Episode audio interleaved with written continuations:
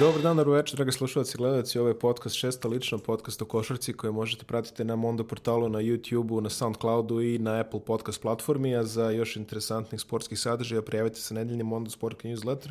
Kliknu na link koji sada vidite na ekranu. Ja sam Miloš Jovanović je moj današnji gost, stari prijatelj, stari drug, stari borac Ivan Bogunović umeđu vremenu. Ovaj, od poslednjeg puta kad smo se sreli izvršen jedan transfer ovaj, na domaćem medijskom nebu. Bogun sada radi na areni, možete ga tamo vidjeti kao u emisiji, kako se zove zove? NBA Arena. NBA Arena, tako je, NBA Arena sa kolegama Edinom i Koletom i takođe ulozi sideline reportera na domaćim ovaj, spektaklima kao što je bilo u Nišu. Kako I, si uspeo? I NBA, I NBA Daily redovni pregled svakog dana u 12. Izvinjavam sa, se. Sa kolegom Ognjanovićem. Izvinjavam se, izvinjavam. Pa da, dobro, mislim, svašta. Ono. Pošto ne mogu da radim 7 dana nedeljno, tu je Ivan da... Kakav si ti to čovjek u medijima koji ne radi 7 dana nedeljno? Pa, eto, modern. Modern. Modern. Na, to je više retro, mogu ti reći. Moderno bi bilo da radiš. Nema veze. Vreme je za naš svakako treći ovaj NBA update ove sezone. Viš koliko sam vas lepo rasporedio. Prvo brat Tadije je bio prvi, onda Ognjanović drugi. Ti si sada treći, imat ćemo i najavu play-offa. Bila je najava. Najava play-offa naravno neposredno pre nego što počne. Uh, A, razlog zašto vam Bogu ne izgleda ovako sveže i normalno je zato što ga još uvijek nisu odvukli u komentatorsku kabinu, a kad će, ovaj, vidjet ćemo, ali tada ćete vidjeti, doći će ona crvene hoču i svega, i, i sve što ide ovaj propratno. Pitanje je dana, pitanje je sata, playoff se nad, nadzire na nama, nema veze. Da pa krenemo... pokušavaju, pokušavaju. Pa kako ne, pa svašta, pa Mislim, situacija je, treba pokriti sve te NBA mečeve, u najgore liniji treba pokriti onaj VTB koji verovatno ono, izlačite slamke tamo na areni, ko će da radi. Ali ajde da se mi zabavimo onime što je pred nama. Ostaje još 20 utakmica do, do ovaj kraja regularne sezone. All Star je za nama, što bi se reklo sad počinje ono ozbiljno. Kao što svi znate, All Star break u manje više svim američkim sportovima, osim naravno američkog futbala. Znači da kada je All Star break u retrovizoru, ozbiljne stvari počinju da se dešavaju. Počet ćemo kao i uvek sa istokom, gde su na čelu neprikosnoveni Baksi koji čini mi se idu na 70 pobjeda ove sezone. E, prolazno vreme im je takvo. Da. Da mogu do 70 pobjeda. Predno nedelju dana možda sam gledao baš jednu uporednu analizu Chicago Bullsa iz 95. 6. Golden State-a iz 2015. 16 i Milwaukee je u tom poređenju, znači to je bilo negde kad su imali skor 58, sad imaju 53-9 recimo. U tom momentu su zaostajali jednu do dve pobede, ali opet im je prolazno vreme bilo dovoljno dobro da, da u nekoj projekciji na kraju sezone imaju 70 pobeda. Čime bi postali treća ekipa u istoriji lige koja je to pošlo za rukom. E sad, problem je mali u tome što Milwaukee uh, pod jedan ima prilično težak raspored. U od ovih 20 utakmica koji im mm. još ostaju, da kažemo okvirno, polovina su derbiji. To znači ono Miami, Toronto, Filadelfija ekipe tog kalibra i naravno sad u noći između petka i subote gostovanje Lakersima kao ovaj, da kažem... Finale pre finala, popularno pa, eto, nazvano. Da, da, kažemo, highlight ove nedelje, možda čak i ovog meseca uz derbi Lakersa i Clippersa koji je već u nedelji.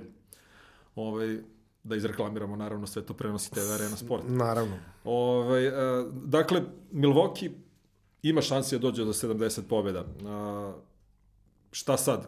Oni su sad na 53, to znači do kraja mogu da naprave 17-3 da bi to uradili. Neće biti lako. Neće biti lako, protivnici su jaki, oni su uh, nekih 10 pobjeda ispred Toronta na tabeli istoka, 4-5 pobjeda ispred bolji od Lakersa, Znači, velike su šanse da će obezbediti najbolji skor i prednost domaćeg terena u play-offu mnogo pre nego što se završi taj regularni deo u sezone. cijelom play-offu, čisto da, da kažem. Da, da. I ovaj, onda s te strane logično je odmoriti Adetokumba, odmoriti Middletona, a oni imaju dovoljno dugu klupu da, da i bez njih dvojice su čak i dobijali neke utakmice. Ovaj, i, odnosno da većinu utakmica i što sa njima, što, što bez njih njima otprilike isto se hvata, pobeđuju pa pobeđuju. Tako da, ovaj, iskreno, ako me sad pitaš za prognozu, mislim da neće dobaciti do 17, mada je, ovaj, mada matematički ovako gledano, strogo govorom brojki imaju dobre šanse, ali, ali, ali mislim da će podbaciti za jednu do dve pobjede. Eto. Mislim da to na kraju neće imati puno... Mislim, to, ni, niko neće gledati u to ovaj, u, u, momentu kada one budu... Ipak ovaj, dostići i 68 pobjeda u ovoj peritijeri NBA stvarno yes, neko dostignuće. Yes, yes. Svi timovi imaju dve zvezde, neki mm. redko ko tri, ali ovaj, da kažeš, stvarno su uravnotežili. Rekli ovaj. smo manje više sve o Janisu u prethodnim ovaj, podcastima, u prethodnim emisijama. Naravno, on je dokazao sve što može dokaže u ovom segmentu NBA. Vidjet ćemo šta će se desiti kada bude ono stvarno bitno. Volao bi da kažeš reč dve o Chrisu Middletonu koji je stvarno ovaj, napravio iskorak ove, ove sezone. Znači, on je drugi strelac ekipe, drugi strelac sa 21 poenom u proseku, drugi skakač sa 6,3 skoka u prosjeku možda nešto promenilo od jutra, evo ne znam, ovo su podaci da recimo juče, ali tu je negde, ajde da kažemo, tu je negde. Uh, je jedan od onih igrača koji su delovali bledunjavo letos na svetskom prvenstvu, dosta ovako nesnađeno u, svom, u, svom, u svojoj toj zbrci koja je vladala u Dream Teamu tada, međutim sad deluje kao da je čovek ono svoj na svome, procenti su tu on preuzima odgovornost, stvarno dobra sezona za njega. Pa dobro, daj, svetsko prvenstvo, druga, druga priča, druga jeste, igra, druga naravno. pravila, kompozicija američkog tima je bila stvarno ono diskutabilna, dobrim delom iznuđeno zbog povreda, ali zaista previše bekova, premalo nekih visokih igrača, iznuđene neke niske postave i tako. Tako da nije baš ovaj, za, za sud, za donošenje suda o igračima tog tima, ko je kakav. Ovaj, eh, iz tog tima meni recimo Marcus Smart je neko ko je ko mi, je, ko mi deluje nekako najsličnije u NBA-u i, i, i, i, i na u FIBA košarci, da, da, znaš, da. zbog nekih svojih osobina, zbog defanzive, zbog tog ovaj, snage, mogućnosti da pokriva, da brani više pozicije. Ali, ali i uvijek je da. bilo neka maksima dovedi najčešćeg mogućeg šutera i on će ti praviti štetu. Middleton nije bio u toj Da, poziciji. da, da, da. Tako Mi, a Middleton, vidi, Middleton ove godine ima...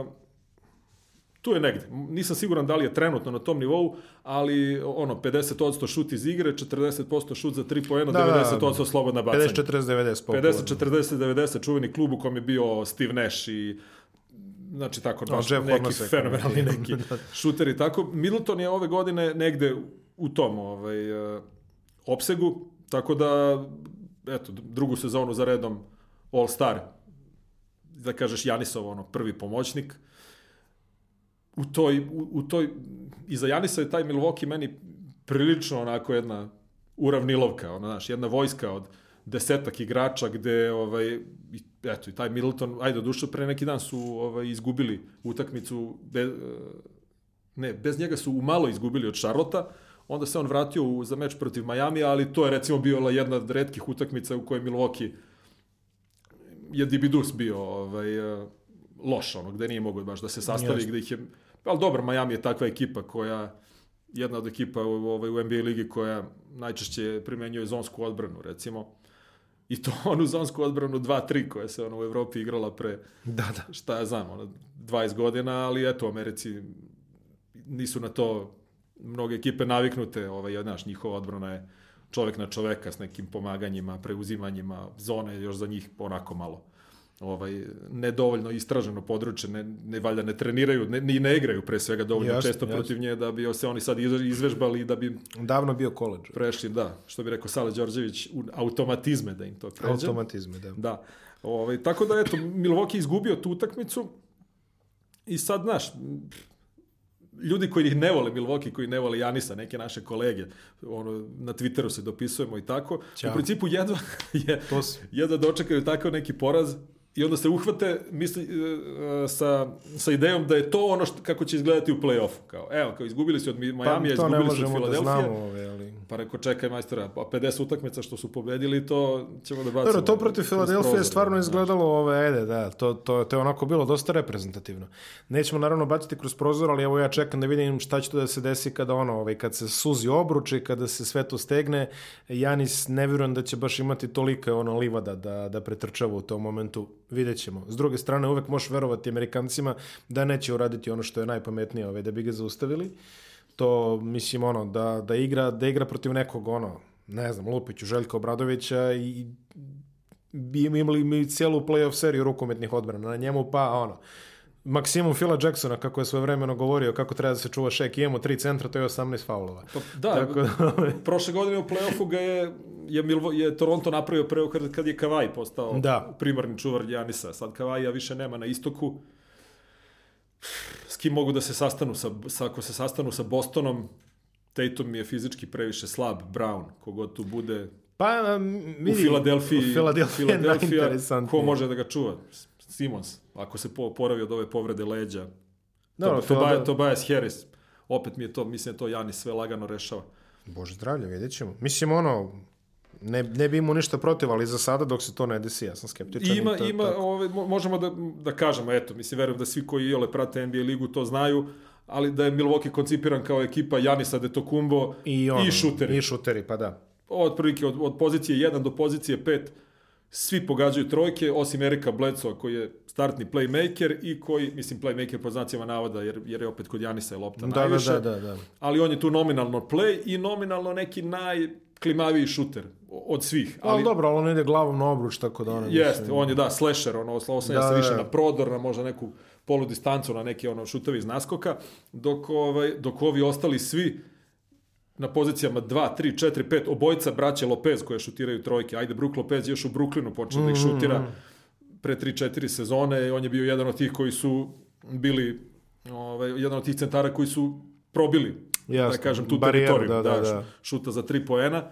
ali sad je evo njegov brat je recimo, Sam Perkins te gleda njegov, njegov brat koji je do- doveden iz Čikaga letos počeo i on da, ovaj, kad mu se ukaže šansa, ok, on je rezerva, ne igra toliko mnogo, ali kada odigra šutne recimo 3-4 trojke, ubaci dve, tako da eto, mislim, pr- prosto skida se neka fama sa tog šuta tri- za 3 poena. Uostalom i Bobi Marjanović je prošle godine u play-offu umeo da pogodi Ja ne znam zašto Filadelfiju. Marjanović ranije nije počeo, iskreno Pa. govoreći, mislim čovjek ima neverovatno meku ruku za... Tako da, eto, sve, na, tre, sve na treneru, ovaj, e, kako će da podeli te uloge, koliko će bude liberalan u nekim shvatanjima, a eto, Mike Badenholzer u Milwaukee je očigledno jako liberalan. liberalan. Ga- Gadna reč. A, u klubu prvih pratilja imamo Toronto Raptors i Boston Celtics. Toronto opet dokazuje može to da se može to da se gazi ovaj, i, i, bez, i bez glavne zvezde. A, sad, njima, mislim da je njima veća frka u suštini šta će se desiti sa Masajom Uđirijem, ali ok, ovaj, e, nema veze. Im, oni imaju Pascala Sijekama, imaju ono što imaju generalno im ide dobro, dok Boston Šta znam, imali su dosta pehova s povredama tokom ove sezone. I, nastav, i, i, da nastavljaju se. Nastavljaju se Nastavljaju pehovi. se, da. Tako, međutim, oni kada su, ovaj, oni su mi nekako ovako najzdravije mi deluju na neke duge staze, da se tako izrazim. Da, a, pa oni imaju oni su jedna od tih ono top heavy ekipa što se kaže. Da, da. Znači da imaš koncentrasan kvalitet u recimo četiri igrača, eto oni su jedni od retkih koji imaju četiri igrača na manje više nekom maksimalnom ugovoru. Da, Znači e, o, imamo odnosno izvinjavam se Jason Tatum ja mislim da još nije ni potpisao taj maksimalni Ali hoće. Mi njega smatramo ovaj ali hoće vrlo, vrlo brzo. Tako igračem da. tog kalibra, ovaj, on to sigurno jeste, ali, ovaj, ali u konkretno u salary capu trenutno on ne zauzima toliko mnogo prostora. Ali dakle, Kemba Walker, Jason Tatum, Jalen Brown, koji je jesenas potpisao ovaj, Da. maksimalan ugovor i na moje iznenađenje opravdao to što je dobio. I Gordon Hayward, nekako tu možda neka najslabija karika, doveden onog leta sa Kyrie Irvingom. Dobro, teška povreda je to da bila. Boston. On se još i dobro vratio kako. Još se dobro, da, ali ovaj, iskreno budem, mislim da bi Ainge najradije, kad bi mogao njega, da, da, ili da je mogao da ga traduje za možda neka ovaj, dva, tri igrača s manjim ugovorima, neke igrače zadatka, Onako mislim da bi to... Aingeovski. Pa nekog, ono, recimo još nekog centra da, da tu pridoda ovaj, eh, Danielu Tajsu i Enesu Kanteru. A taj si, taj si igra dobro sezonu. još jednog možda šutera da ima. Ne, Tajs je u... Pa to je sistem eh, Breda Stevensa. Mm. Znači, Brad Stevens je majstor da, da izvuče maksimum iz toga što ima. I sad, taj Enes Kanter je možda veće ime od Tajsa koji je igrao u Nemačkoj, došao tu kao onako jedan solidan evroligaški igrač, ali jednostavno njegova igra i njegove karakteristike su mnogo uh, mnogo bolje se mogu da se primene u američkoj košarci, u NBA, Jasno, u tome što jasno. Boston igra preuzimanja u pick and rollu, znači odbrana na protivničkim bekovima, takođe može da pogodi šut s polja, tu čuvenu trojku sa pozicije centra, evo recimo protiv Lakersa u derbiju, nedavno imao je dve trojke u Staples centru, eto to mislim to sigurno mnogo znači kad imaš Kako ne? kad u sredu utakmice petica zvekne dve trojke od koje to možda protivnik ne očekuje i tako. Tako da Boston uh, što kažeš ti vrlo zdrava priča, ali povrede ih uh, Kemba Walker jako klimav sa kolenom, uh, Jalen Brown sad je pre, neki, pre par dana povredio zadnju ložu, Gordonu Haywardu je kanter pao na nogu pa mu povredio koleno i do, došli su do toga da bukvalno između dve utakmice ostanu ovaj, bez, bez dva igrača, još Kemba koji se vraća tek u stroj pa ga štede na ovim, ovim utakmicama kad se igraju dan za danom. I došli su do toga da im od glavnih igrača sinoć samo igra Tatum protiv Clevelanda. I izvukli su tu pobedu. E sad, kako će biti u nastavku sezone, Brown, valjda nekih nedelju dana, minimum pauza, Hayward, ta kontuzija kolena, isto verovatno neće baš dan, dva samo da potre. Ali dobro, oni su u svakom slučaju u dobroj poziciji da imaju u najmanju ruku prednost domaćeg terena u je prvom rundi. kolu play-offa. Pa Toronto. Toronto je ekipa koja je uz timove kao što su recimo Portland, Washington, koja je izgubila najviše oni to sabiraju, znači svaku, svaku utakmicu koju ti neki igrač propusti zbog povrede. I onda, se- e, onda ta neka zbirna brojka, Toronto je tu u samom vrhu. Jer ovaj, imao je stvarno mnogo igrača koji su koji su bili po, ovaj, povređivani, koji su propuštali po 10-20 utakmica. Uh, Mark Gasol je dve velike pauze imao recimo zbog povrede prepone, druga još traje. Oni ga, prvi put su ga valjda skapirali da su previše rano vratili, pa se ponovo povredio i evo sad uh, nema ga pa ga nema. Znači evo već negde pred All-Star break je bio negde kao na ivici da bi trebalo da se vrati, međutim evo prošle su dve nedelje ili koliko već i njega nema i dalje. Oni- Norman Powell lomio ovaj, prst, pa ne znam, uh, ko, koji god manje, ko, ne znam, koji god im alterne padne igrač eh, Tor- Toronta na pamet, bio je povređen.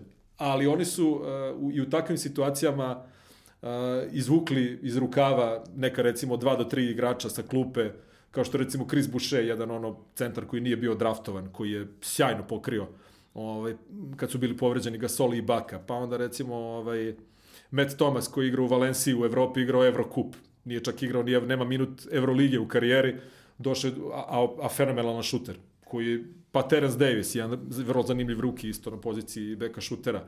Tako da Toronto je, da kažem, uz Miami, ekipa sa franšiza koja je najbolje, da kažem, najbolji scouting i najbolji razvoj mladih igrača, neafirmisanih igrača, tih nekih no-name ovaj, likova I, I- ove godine su im oni baš dosta pomogli. I dosta poželjna sredina ovaj, za život, takođe. Ovaj, to je ono što ističu mnogi igrači koji su tamo. Da, ovaj, Toronto je jedna od boljih destinacija za, za NBA igrača, ovako generalno kao životno. To je ono što stalno ponavljamo. Pa i delo je evropski. Pa jest, da. Nisam I, bio... I, i Baka je oduševljen, na primjer, on kaže, on se tamo snašao ko nikada. A iza Toronta i Bostona imamo Miami koji je u blagom padu, što nekako i logično, zato obzir da su bili fenomenalni prvi deo sezone. Da. Mislim, neće oni sad pasti, bog zna koliko, ali ajde. Nekako bit će tuča za to neko četvrto mesto. S druge strane, Indijana se diže povratkom Oladipa posle duže povrede. On ima trenutno prosek od 12 poena od 10 odigranih utakmica. Malo ga i štede, malo ga i prišteđuju. S druge strane, Domantas Sabonis igra Da. sezonu karijere. Miami se pojača tokom uh, trade deadline dovođenjem uh, Igodale, to je bilo ono ovaj, sweepstakes, što bi rekli kolege sa ESPN-a, znači bukvalno je gledalo ko, kome će, on se odlučio Da. za nekako meni najprirodniju sredinu za njega. Uh, I sad Miami ovako, delo, delo je dosta interesantna ekipa, stvarno fan sam, ovaj, rešili su se onog mrtvog tereta, što bi se reklo. Da, da, da, da, da. Nekoliko igrača koji su im baš smetali, a pritom nisu imali čak ni male ugovore. Riley i njegov generalni menadžer, čije ime sad, ovaj, iskreno ti kažem, ne mogu da se setim, ovaj, odradili su fenomenalan posao baš prilikom ovog trade deadline-a, znači otkačivši Diona Waitersa, Jamesa Johnsona, Ne, Dion Waiters je stvarno bio zreo za otkačiti, ali... ali evo Lakers, Ali počela je ali sad još pregovara s Lakersima. Počelo je još letos, mislim, sa ovaj, uh, Whitesideom, koji je otvorio prostor uh, Bemo Adebayo, koji je da, da, stvarno, da, da. ono, čovek igra stvarno fantastičnu sezonu. Miami, ja verujem da će to biti onako jedna izuzetna nagazna mina ako prođu to, taj prvi krug play-offa, koji, ajde, ako zadrže prednost domaćeg terena, Indijani, koja je nominalno trenutno pete, bit će jako teško. Uh, vidim, Miami je Miami je jedina ekipa koju Milwaukee nije pobedio. Imaju, imaju 2-0 sa Milwaukeeom ove godine. Jedna od tri ekipe koja je pobedila Milwaukee u gostima, pored Denvera i Dallasa. Tako da, ovaj, očigledno, ajde, ove opet da kažem, regularni Da, deo da, da. sezone, znači nema tu nekih ovaj, nema prostora za neku preteranu pripremu utakmica, mnogo toga zavisi u kom momentu ćeš da uhvatiš nekog protivnika, da li na krivoj nozi, da li na spavanju, da li u, u momentu kad nije ovaj kompletan i tako dalje i tako dalje, ali kao činjenica stoji da Milwaukee ima 53-7 sa čitavom ligom i 0-2 sa Miamijem. Znači, Da, to, da, da. ok, još će se oni sastati ovaj, do kraja Svakako. regularnog dela sezone, ali ok, to znači daje prostora svakako za, za njim- njima za neku ambiciju i Milwaukee za brigu. A što se Indijane tiče, kakve njihove domete ocenjuješ? Što se tiče Indijane, mm, deluje mi da je to i dalje ovaj, ne, nedovoljno za, za nešto ozbiljnije. Mm, pa ovaj, ne mogu oni, čini mi se, sa ovim polovičnim Oladipom ovaj, da... Oladipo se vratio, čekali su ga dugo, dugo. On je imao, on je imao jednu jako redku povredu košarkašku. Uh, znači, to je bila grubo rečeno operacija kolena, ali ne samo kolena, ligamenta ili ne znam čega, nego, nego neke tetive kvadricepsa. Što kad propadne, uh, jako No, se... pa da, a pogotovo- Otprilike ranga ahilove tetive. Znači, A radi se o igraču koji je a radi se o igraču koji se oslanja na da, eksplozivnost, da. Recimo baš pre nekoliko dana, ne mogu da se setim koja je bila utakmica u pitanju, ali ovaj u nekoj polutranziciji on ovaj išao, zaleteo se uh, na obruč i u trenutku kad je ono trebalo da naskoči da se odrazi, tačno vidiš da ga je ta desna noga izdala, levom nogom je onda nešto bez veze stao izvrnuo skočni zglob. I eto, na, na jednom primjeru samo vidiš da je čovek eh, se vratio na teren, ali da nije svoj.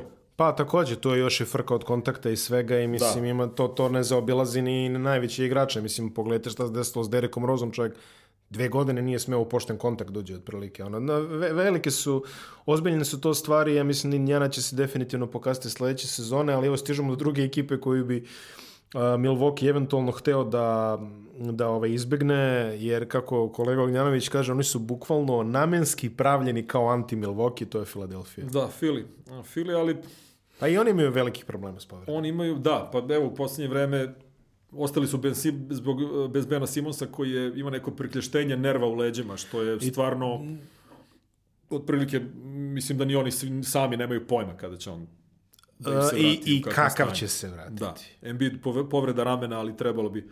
Filadelfija je sad na turneji po zapadnoj obali, ima još jednu, dve utakmice i kad se vrate kući, ja mislim da će Embiid tu da se priključi, ali što se tiče Simonsa, uh, njega nema. Sad, možda to može se pokaže kao neko kao neka sreća u nesreći da ovaj jer Ben Simmons na poziciji playmakera više nego specifičan igrač. Znači playmaker u telu trojke koji ne igra pick and roll, Sa koji ne, koji ne šutira, iz 63. ovaj, koji, da. ne, koji odbija da šutira za tri poena, koji... uh, Dobro, to je pametno, neće. koji guši ne spacing, e, zna- znaš, Ne, ne, jer, ne, jer- naravno, jer operiše u istom prostoru gde bi trebalo da operiše i Embiid kao najbolji igrač tog tima.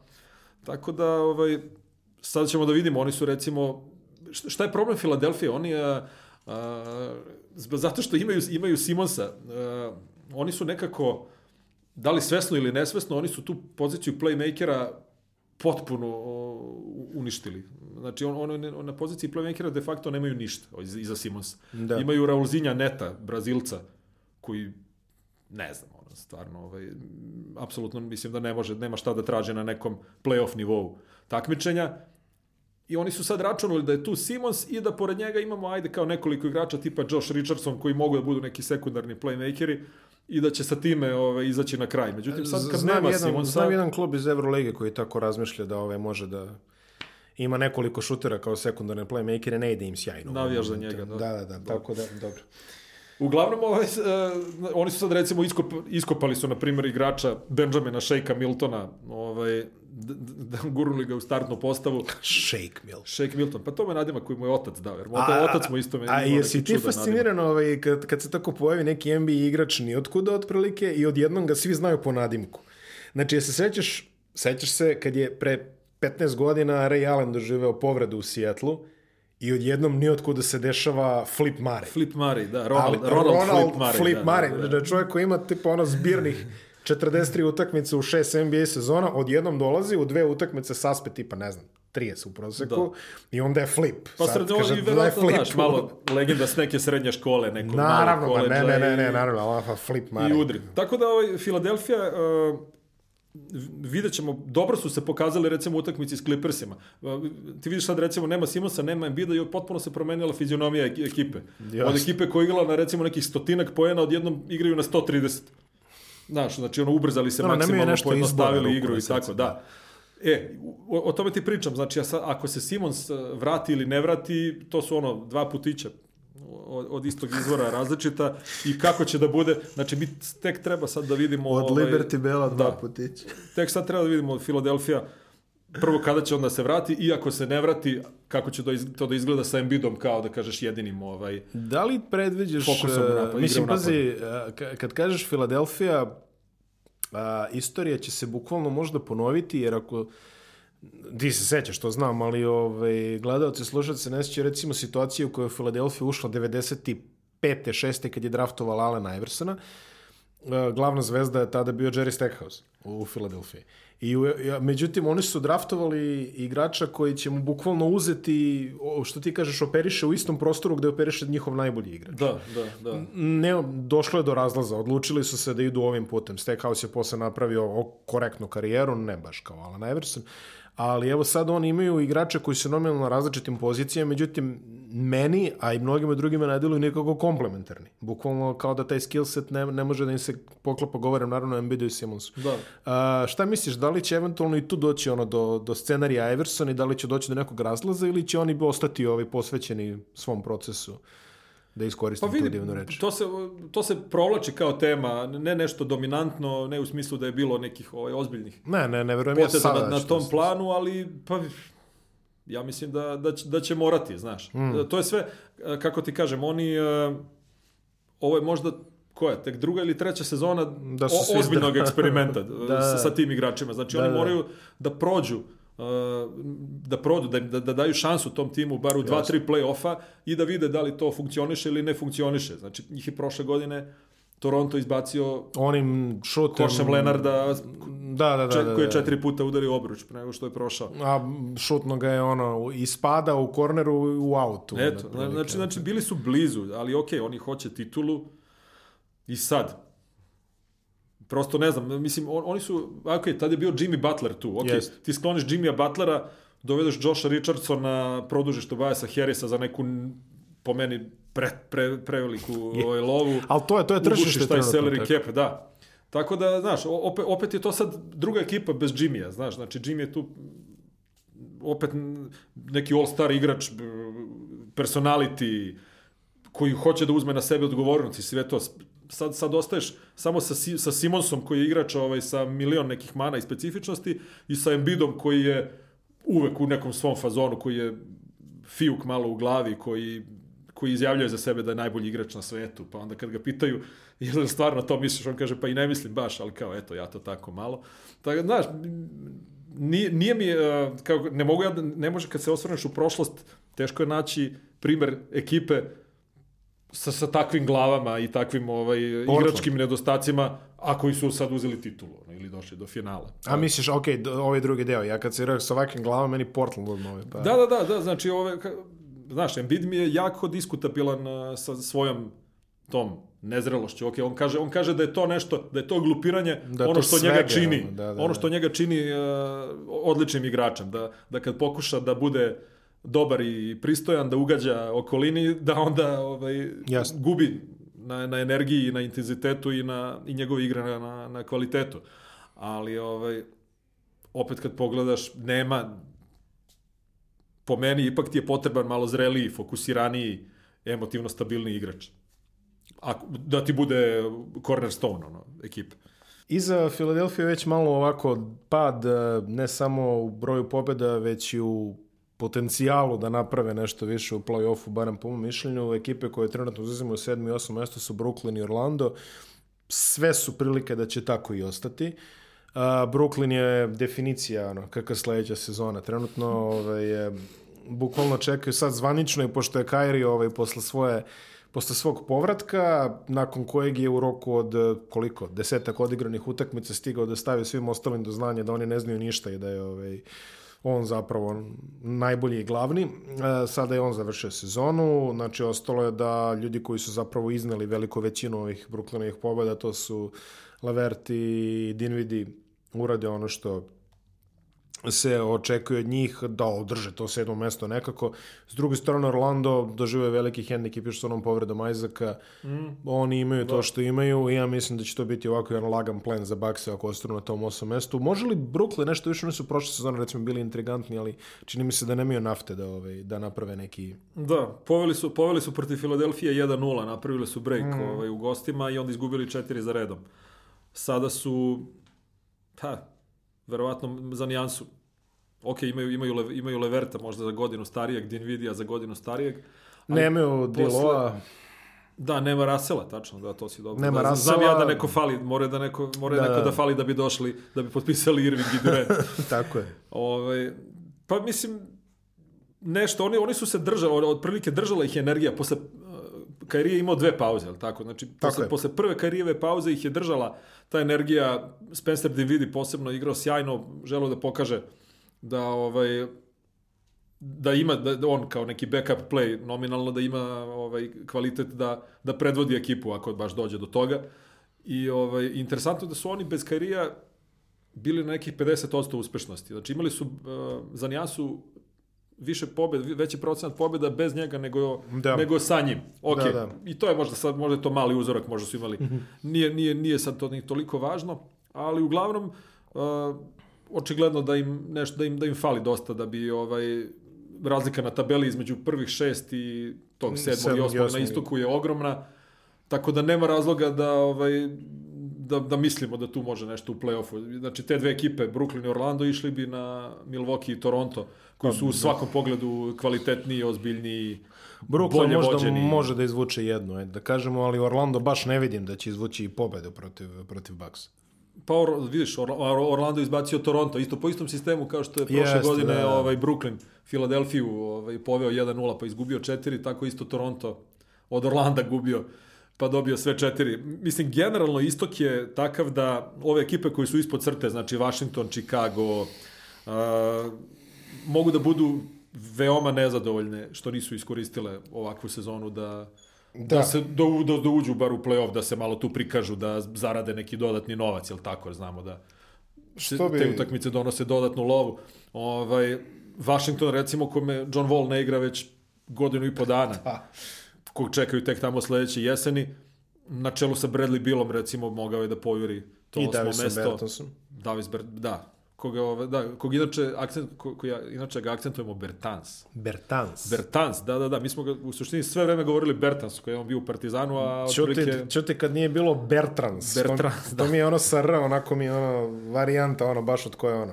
Baš ono po tabli. da, onako, i, i, i, i Chicago mi je u suštini najveće, ovaj, eh, najveći podbačaj tu u celoj priči, ali, O, ali opet so. i oni imaju alibi u povredama Markanena, A, Ota Portera, Dan je sad Chrisa završio Dana, sezonu, da. da. Jo, ima ih još. Četvorica, Ali dobro, petorica bitnih strane, igrača su tu. Ovaj, Z- Zach Lavin je isporučio sezonu kako ja nisam očekivao da on može da uradi. Mislim, on je meni čovjek delovo operisan od skog šuta dok je igrao u Minnesota samo kao neki ono, ovaj, e, delovo mi je kao neki Derek Rose za beskućnike. Onako uleće glavom, polaže, onako akrobatiše levo desno i evo ti ga čovjek igra ono all-star takmičenje u trojkama. Kao, Da, o i- čemu se radi. Ali evo, mo- može se navežba. Znači, definitivno ono. Da, da, da, pošto postaje taj šuter baš ono što kažeš iz, ono, iz driblinga. Taj, Da, da, da, da, to- to je moderno. Ritam šuter, tako ovaj, otprilike kad se, zale, kad se zaleti, da, otprilike može bukvalno pređe centar da se podigne i da pogodi. Ali, ovaj, ono, da, Chicago ima tog trenera, ovaj, Bojlena, koji, s kojim se oni koji, koji je doveden otprilike prošle godine da tu utegne kao tu grupu mladih igrača, da im usadi Baš neku disciplinu. I ovaj a protiv koga su se igrači od samog početka ovaj bunili imali ne znam WhatsApp grupe ono kojima su ga sprdali i tako ovaj. Međutim evo uprava Chicago i dalje ovaj Jima Boylana drži na poziciji prvog trenera. On jeste od njih napravio čak i neku solidnu odbranu i tako dalje ali opet gube previše utakmica, a kad gubiš previše utakmica, jasno da nema ni atmosfere, da se opet e, isplivavaju na površinu neke stare svađe.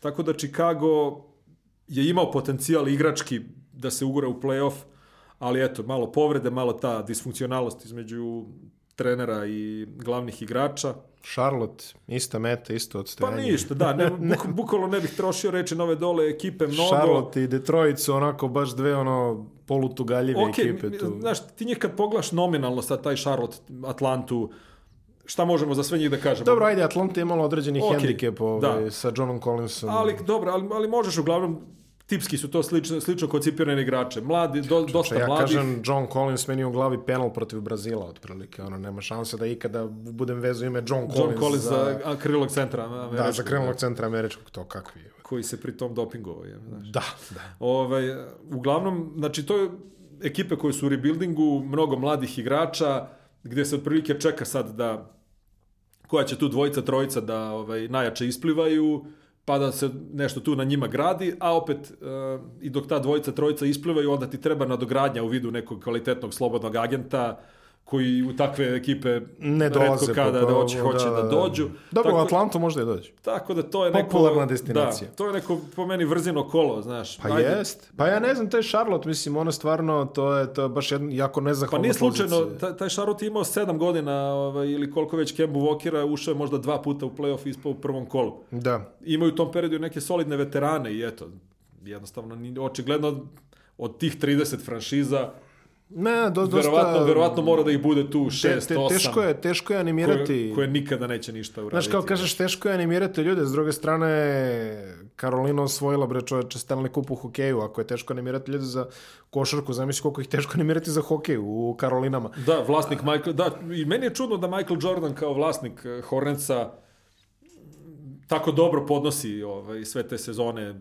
Pa be- dobro. bez nekog uspeha. Ono. Pa, mislim, Ok, jeste on biznismen u prvom redu, da Tako je. ima možda ovaj, da mu je posao u ovom trenutku možda i malo ispred košarke, ali opet čudi me da ne, da ne može da privuče nekog ozbiljnog. Njima je najozbiljniji slobodni agent kog su privukli Terry Rozier iz Bostona. pa da, i preplatili su. koji imao da- jedan, koji imao jedan dobar play-off sticam okolnosti jer je Irving bio povređen i pružila mu se A šansa. z- zamisli tek Detroit, mislim, oni su doveli Blake Griffina sa ciljem da malo popune dvoranu.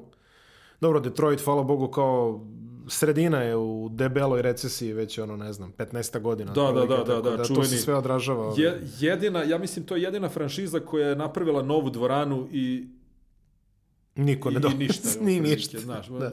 zvrji, zvrji polu prazna. Što, Ima je, je, ima je, ima je neki na zapadu. što je dobro. tužno, mislim, tužno mi je, znaš, Detroit je uvek bio košarkaška sredina, imao je, Sportski grad. kad je, da, da, sve. Sportski grad, velike tradicije. I, da, i hokej, i, i ovi, kako se zovu? Lions. Lionsi, da, da, da. Ove, Red, Red, Tigersi. Red Wingsi u hokeju. su u bez... se borili za titulu. svakako. da, univerzitetski isto jako, ono, mislim, ok, Ann Arbor nije baš Detroit, ali sve je to blizu Michiganu. Da, tako Michigan, da. Uglavnom, znaš, ali ekipa koja je ne, ne tako davno bila šampion, koja je imala... Tako je. Uh, i koja imala, imala je prvaka početkom 90-ih, imala je prvaka sredinom prve decenije ovog veka, pa ta ekipa sa Ripom Hamiltonom, Billopsom, Tako je god, da. godinama igrala neka finale, finala da, istoka, da, da. polufinala, dugo se držala u vrhu dok ih nije Lebron ovaj, skinuo sa trona.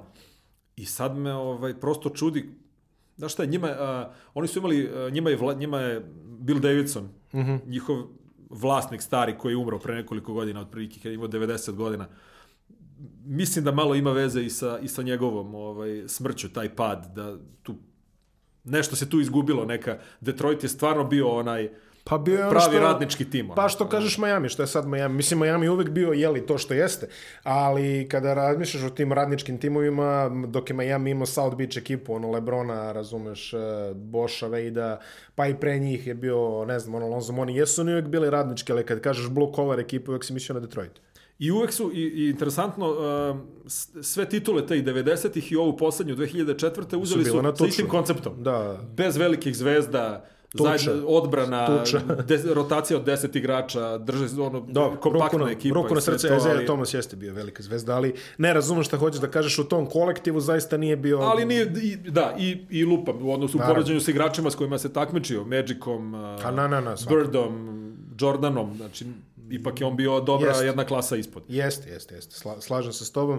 Uh, u dnu ovaj, istoka ovaj, imamo još i New York koji je u, u presa u posljednje vreme zbog pogrešnih razloga kao po običaju. Da.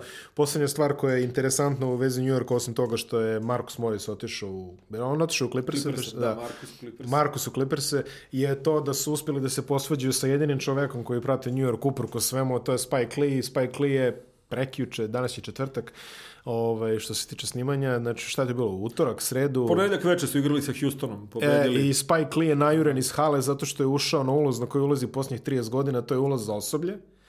A, on je ušao, skenirali su mu kartu i onda su ga izveli napolje i su rekli ne smeš da ulaziš ovdje. Da, da, da, da. Sad, ajde, okej. Procedure su procedure. Pa da, da, se da. tako izrazim. Ali meni ovo delo je kao glupost. Da, bez veze. Mislim, ono šta lju, ljuštiš ga tu na, na Spike Lee, čo, čovjek koji 30 godina dolazi. Znači, on nije video da, da sve sabereš ovako zajedno, nije vidio 67 minuta dobre košarke u posljednjih 10 godina. Ne propušta ništa. Znaš da je najvjerniji, znaš da ti ono super fan, što bi rekli. Zamisli Lakers i ono sad u fazonu dođe sutra Jacku Nicholsonu i kaže, oj, brate, ušte na pogrešan ulaz. A izađi pa se vrati. Nije mi, ja- nije mi jasan. Pa baš, nije ni meni jasno. ali interesantno je da se sve to dešava uh, u, u večeri kada New York ostvaruje verovatno najvredniju pobedu ove sezone. Zaustavlja Houston Da. koji igra odlično i koji sa ovaj, Westbrookom Hardenom dolazi tu koji je pobedio Boston dva dana ranije. Da.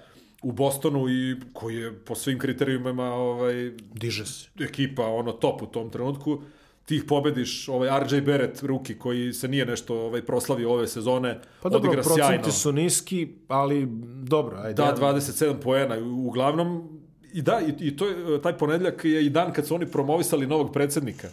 Tako Novog je. predsednika košarkaških operacija, nekadašnjeg ovaj, super agenta Leona Rosa, koji je eh, tog dana poslao, ne znam, eh, vlasnicima sezonskih ulaznica, po- poslao im neko pismo gde ih je ovaj, Da, ono, da, da. pismo o namerama, što se kaže. Da, Letter put, intent. put ovaj, otprilike ono, put uspona bit će dug i naporan, ali, Ali tu tu sam, sam, da, da, da. radimo i bit ćemo, ovaj, tra, želim vašu podršku, obećavam da ćemo... Pa meni ovo, da. I, oni, I oni te večeri, taj njihov vlasnik, Jim Dolan, ono koji je otprilike niko, niko živ ga ne voli tamo. Da, najomrznutiji vlasnik u američkom sportu, zajedno sa postigne, da, Phoenixa. postigne taj, al- inače New York je unajmio, osim, oni su, oni su najmali neke stru, neku agenciju koja će da im radi neki rebranding, koja, znači, znaš ono, to, te ste gluposti kad nemaš rezultata, pa, Pa hoćeš nešto da ono, mažeš oči presipaš nekim stvarima. prazno, da. ali ne znam. I sve to urade i onda im čovjek dođe ovako, njihov vlasnik, sopstve, sopstveni vlasnik dođe i, ovaj, i napravi ono medijski neki autogol o kom će se sad tu priča Pa, danima i koji će sigurno uticati ovog leta, sledećeg leta kad, op, kad budu tražili neke, neke slobodne agente kao što su Durant Irving I... I ko će ti igra za okrenuli leđa New Yorku i potpisali za Brooklyn, sigurno će neko imati na umu i ovakve ovaj, gluposti Apsolutno. A ovo se već desilo birao sa, da li će ovo se već desilo sa Charlesom Oakley. sa Charlesom Oaklem pre jedno tri godine. koji je da. ono dosta, ajde neću kažem legenda, ali igrač koji je Ali ostavio bitnije veliki je za trag. franšizu od Spike Lee, mislim. Apsolutno, igrač koji je ostavio velikog traga ovaj, u, u, u New York Knicksima, Koji je igrao finala. koji igrao finale, znači koji je bio ono, da, da se izrazim, stub tih odbrana Rajlijeve ekipe. Da, znači čovjek koji je ono stvarno bio zidina tamo i njega da onda se ono, razumeš, da ne kažem sad izraz sa Dolanom i Dolan kao ok, izađe majstore. I sad ono Spike Lee, čovjek ono koga, znaš ono ma, masa nas koji, koji New York vezu, znači svi mi koji smo počeli da pratimo tad NBA, sjećamo se kako se uh, Spike Lee teru u materinu sa Reggie Millerom, uh, kako se ovaj, džapao sa Danilovićem dok je ovaj pogađa one trojke u, u Gardenu i sve to i sad, znaš, kao Spike Lee, kao ne može ušti na pogrešan ulaz. Mislim, ljudi, nis, niste realni, a to što kažeš radimo rebranding, koji rebranding, rođaci? Pa ono, mislim, ovo je bačena sezona, ovo je opet bila sezona kao sad ćemo mi da dovedemo nešto, šta su doveli? Pa oni, su ti, on, oni, oni, oni su ti u suštini Charlotte i Atlanta samo na velikom tržištu. na velikom tržištu, u najvećem tržištu Da. i u, i u zoni najvećeg pritiska, hvala Bogu, cene karata nikad neće spustiti, jer i dalje je prestižno otići ove, da gledaš Nikse.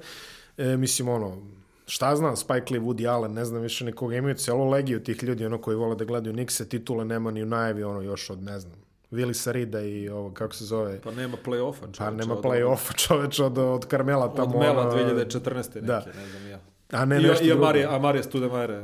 A što nema play-offa, ali nema ni indikacija da će nešto se desiti. Nema, nema, nema. U, to je konstantno, evo, nekih 15-20 pobjeda. Znači, bukvalno njihova jedina nada je da se, da se ono što, što, što mi kažemo ovaj, uvrčeno, da se neko zaseljači ono, od ovih velikih ovo zvezda i da kaže, e, moja je misija da ja vratim ovaj, eh, New York eh, na mapu i sad ću ja da podnesem ono sve to što treba i idem tamo uprkos tome što će mi svi reći nemoj prijatelju si lud.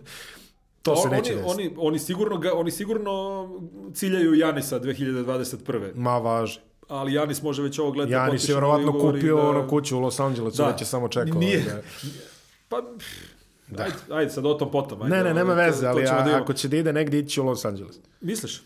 Pa, već, pazi, već postoji neki ono istorijski precedent ovaj, e, A, Milwaukee, LA. odlaženja iz Pa, no. Milwaukee u LA. I, I to je Za, tačno. za vas koji ne znate o čemu se radi, googlajte Lou Elsindor, samo će vam se reći. E, I da završimo... ovaj, 71. koja je već. Tako nešto, da završi. Pazi, on je doneo titulu, pa je otišao ovaj. Da, da. Mm, vidiš ti to. Um, da završimo samo je još jedna ekipa koju nismo menuli, to je Cleveland koji se rešio svog ovaj, iskusnog stručnjaka. O, ovdje bi citirao još jednu anegdotu sa priprema ovaj, uh, futbolskog kluba Crvena zvezda kad smo 2008. bili u Izraelu i na, na turniru i onda desi se da Salas raskine ugovor. Franklin Salas, Franklin raskida, Salas, da, da, da, da. raskida ugovor i onda sećam se, ovaj, neću imenovati ko je to rekao, ali kad su ga pitali o, jedan od ljudi iz uprave o, na čiju štetu je raskinut ugovor, njegov odgovor je bio na obostrano zadovoljstvo. Pa. Tako da ovo je bio raskid ugovora na obostrano zadovoljstvo. Salas Barkos i Molina, čuveni troga. Uh, ovaj, što se Bilina tiče, on je čovjek imao dosta konflikata sa igračima. Bio je taj čuveni incident kad je on navodno rekao igračima da su tags ili ti, jeli... A teo je da kaže A te- slugs ili šta Ja već. verujem, znači, to, ako je neko kupio taj izgovor, imam pismo od biznismena iz Nigerije sa odličnim uslovima, ali ovaj, generalno, posle toga je sve puklo, igrači su ga totalno spejsovali, Uh, tamo je opšte rasulo Kevin Love, ono, ni on nije uspio da se izvuče iz, iz ovaj, Mada Kevin Love je ovaj, odao poštovanje Bilajnu, Johnu Bilajnu, što je ovaj, kad je došao do tog sporazumnog raskida ugovora i preraspodele na novo radno mesto, pošto je Bilajn je ostao tako u organizaciji Kevsa, ne znam ja šta da radi. Ovaj, Kevin Love mu je odao priznanje, kaže da je to jedini trener za kog je on čuo da je posle bilo otkaza ili ostavke, šta god bilo, došao da se pozdravi sa igračima, da se oprosti i tako dalje. Mislim, čudan potez Clevelanda, treneru, čoveku od 65 godina koji je celu karijeru proveo na koleđu, makoliko bio uspešan, dali su mu četvorogodišnji ugovor, ja mislim. Znači, to ti je ono, kad imaš ti sad ideju neku, ti ćeš ne, sad ovi, da ideš, ovi nemaju ideju. imaš ideju da, da daš poverenje nekom čoveku da od, da, da od početka s nekim mladim timom ovaj, krene da gradi neku priču, ali očigledno... Ne, ra, generacijski, su- generacijski raskorak je neverovatan. Cleveland se barem eto pojača, tako da kažemo, došao im je Andre Drummond iz ovaj, Detroit. Detroit je valjda shvatio da Drummond nema šanse da produžava, iako je odličan igrač. Pa ajde, daj šta daš dok je vreme, što bi se reklo. Pa vidjet ćemo, ima, on, Drummond ima opciju za sledeću godinu u ugovoru. Pa dobro, Neki barem su dobili, mislim da je tu sad- 27-28 miliona, mislim da će aktivirati tu opciju, da će ostati još godinu dana, jer ne znam da li, da li baš može na otvorenom tržištu sad da dobije više. I ovaj, da spomenemo čisto ovaj, da je Atlanta dobila pojačanje u vidu ovaj, Clint Capela koji je konačno tradovan nakon uh, jedno 67 pokušaja da se to desi. Da. Čovjek je bukvalno živeo ono sa tradom izlepljenim na glavi ovaj, poslednji tri sezone tamo u Houstonu. Pa dobro, ali bio, ali bio jedini pravi centar Jest. ovaj, Houstona, pick and roll partner Jamesa Hardena. Sad su odustali od tog koncepta, ali evo, Da. sti, stići ćemo i do, Stićemo i do toga, da. stićemo i do toga. Da krenemo ovaj, polako. Uglavnom dobro pojačanje za Atlantu, Jest, znači jest, Young koji je All-Star postao u svojoj drugoj sezoni, koji eto, malo, ma- malo, malo pa da tih 40-50 poena, što, ok, franšizu to ne vodi nikuda Za za, sad, ali, ovaj, ali eto sad, sad, kažeš, sa Johnom Collinsom na četvorci, Kapelom na petici, gomilom tu interesantnih nekih uh, mladih bekova i krila. Hunter, eh, Cam Reddish, Cam Cam Reddish. Kevin Huerter, najbolji trojkaš tamo, naravno, Belac, ono, kao i u većini ovaj, timova. Što volim što je podcast Pa, na eto, srpskom, mislim. ovakve stvari ne bi smjeli kažemo, nije spijeno ni za... Pa mislim, dobro, vidiš, Clay Thompson, mislim, u Golden State-u. Ja poslednji pa, put šta sam... a John Klay Harris Thompson u Brooklynu. A Clay Thompson je beo. Pa otac mu je crn, ali on, Ajde, je, ajde, ali on je dobro, više da. beo. Mislim, Pa ne, prošli podcast ja sa kolegom Ognjanovićem, ovaj, kad pričamo o MVP šansama u Luka Dončića, kažem pa čovjek je beo plav, razumeš i sve to, hvala Bogu da će da glasa za njega, on kaže ja bi se ogradio od ovoga. Rekao, dobro Ivane, znaš, ono, kao nismo ni ESPN, sve u redu. Još uvijek možemo da lajemo tako neke stvari, naravno, Pa to. znate i sami šta mi mislimo ovde, nije... Normalno, da. Nije mislim, toliko, da. vi- ono, znaš, mislim, i to kad god, nas, kad, kad god nas Englezi tuže za rasizam, Da. mi se ovde, ono, realno, svi se iznerviramo, jer, jer znamo da 99% nas nismo rasisti, ono, mislim. Zarez 99, ajde A, da dodamo da. i to, Ajde. da se ogradimo. Naravno. Idemo, idemo na zapad, ovaj, istok sve se sumirao, što bi rekli u kultnom ovaj, sovjetskom filmu Belo sunce pustinje Vostok, delo tanko je, Svaka ili čast. ti ovaj, istok je ovaj, čudna stvar. No, tako da, inače film koji svi ruski kosmonauti gledaju pre odlaska u svemir, tako da čisto znaš, spremi se.